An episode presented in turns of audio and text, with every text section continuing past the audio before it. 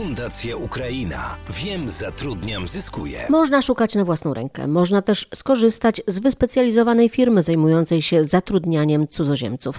W dzisiejszym odcinku opowiemy o różnych formach zatrudnienia: leasing pracowniczy, outsourcing czy in-house. Czym różnią się te sposoby, wyjaśnia Bartłomiej Potocki, kierownik Instytutu Praw Migrantów we Wrocławiu. Jeżeli chodzi o outsourcing, ponieważ on będzie najbardziej popularny, to właśnie jest zatrudnianie u jednego pracodawcy i wykorzystywanie tych pracowników przez innych pracodawców. Najczęściej mamy dużą firmę trudniącą się, załóżmy, sprzątania różnego typu, biur, powierzchni też prywatnych, domowych itd. Tak Ta firma zatrudnia bardzo dużo pracowników tego typu i inne jednostki, firmy, biura itd. Tak biorą tylko i wyłącznie na pewne zlecenia tychże pracowników, więc de facto nie zatrudniają u siebie osób sprzątających, a jedynie korzystają z tak zwanego outsourcingu. Leasing pracowniczy. Leasing pracowniczy wygląda bardzo podobnie, ale mamy umowę pomiędzy dwoma właśnie przedsiębiorcami na konkretną ilość pracowników i to ci pracownicy w pewnym sensie są umówieni tak abonamentowo, że będą wykonywać pracę u właśnie tego drugiego pracodawcy przez pewien umówiony okres czasu.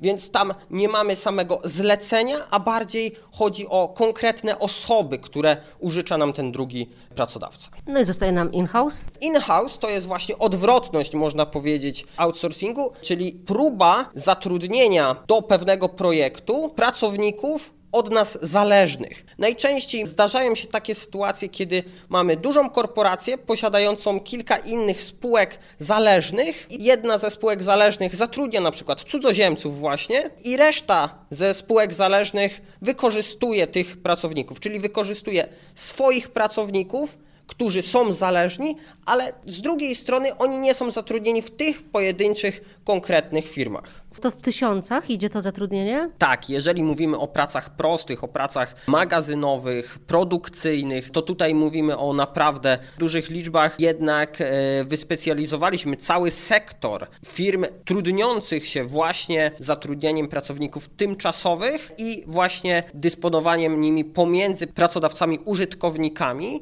ponieważ no, jest na to duże zapotrzebowanie w naszym kraju. Korzystanie z takich agencji jest dla tego pracownika bezpłatne? Powinno być bezpłatne dla pracownika. Są pewne usługi dodatkowe, za które taka agencja może pobierać swoją prowizję, na przykład za tłumaczenie niektórych dokumentów, ale ogólnie za samo znalezienie pracodawcy jest to usługa bezpłatna, ponieważ koszt tego powinien ciążyć na pracodawcy użytkowniku.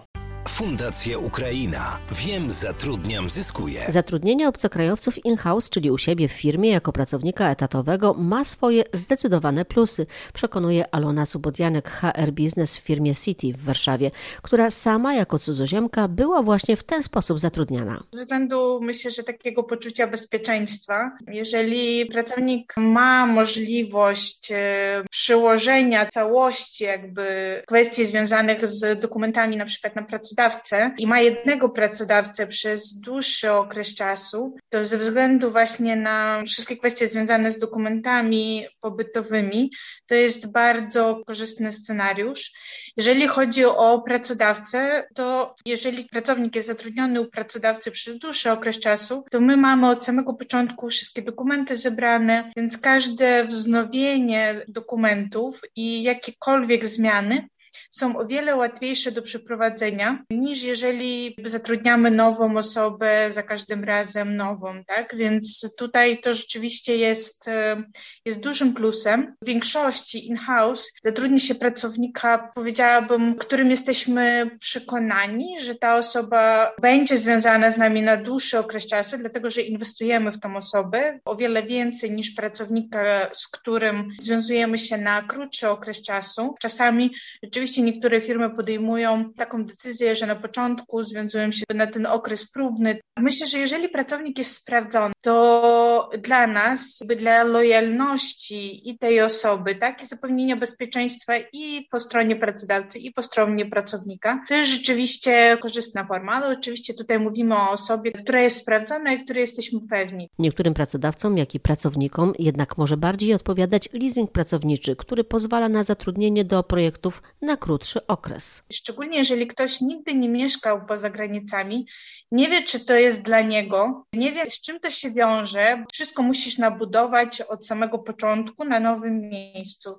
Więc moim zdaniem bardziej zachowawczym jest przyjechanie na próbę, na jakiś krótszy projekt, na krótszy czas i spróbowania, czy to jest dla ciebie. Dlatego, że jeżeli ktoś się decyduje całkowicie, później nie ma powrotu. Na przykład, jeżeli sprzedaje całość swojego majątku w poprzednim kraju, jakby odcina sobie ten plan B. Moim zdaniem ten plan B jednak jest ważny dla wielu ludzi. Ja nie mówię, że to jest jakby droga dla każdego, tak? Ktoś się bardziej mobilizuje, jeżeli ma tylko jeden plan, ale z drugiej strony bardziej moim zdaniem korzystne jest pomyślenia o tym, z czym to się wiąże, co jest dla tej osoby w tym momencie ważne. Poznanie tej firmy przed przeprowadzką to jest bardzo ważna rzecz. W niektórych aspektach to jest jednak zaczynanie życia od zera. Z tym się trzeba liczyć i do tego się trzeba przygotować i to bardzo dobrze. Na jaką formę zatrudnienia najczęściej decydują się pracodawcy zatrudniający cudzoziemców w Polsce, mówi Bartłomiej Potocki z Instytutu Praw Migrantów. Najczęściej, najchętniej wybieraną formą jest tutaj outsourcing. On daje łatwość też zatrudnienia. Bardzo często agencje, które zatrudniają tych właśnie obcokrajowców, mają też swoje filie w kraju pochodzenia tychże cudzoziemców, albo zatrudniają pracowników, którzy posługują się ich językiem, więc jest łatwość zatrudnienia się właśnie w takiej agencji zatrudnienia i później właśnie outsourcing do jakiej, jakiegoś innego przedsiębiorstwa. To jest najchętniej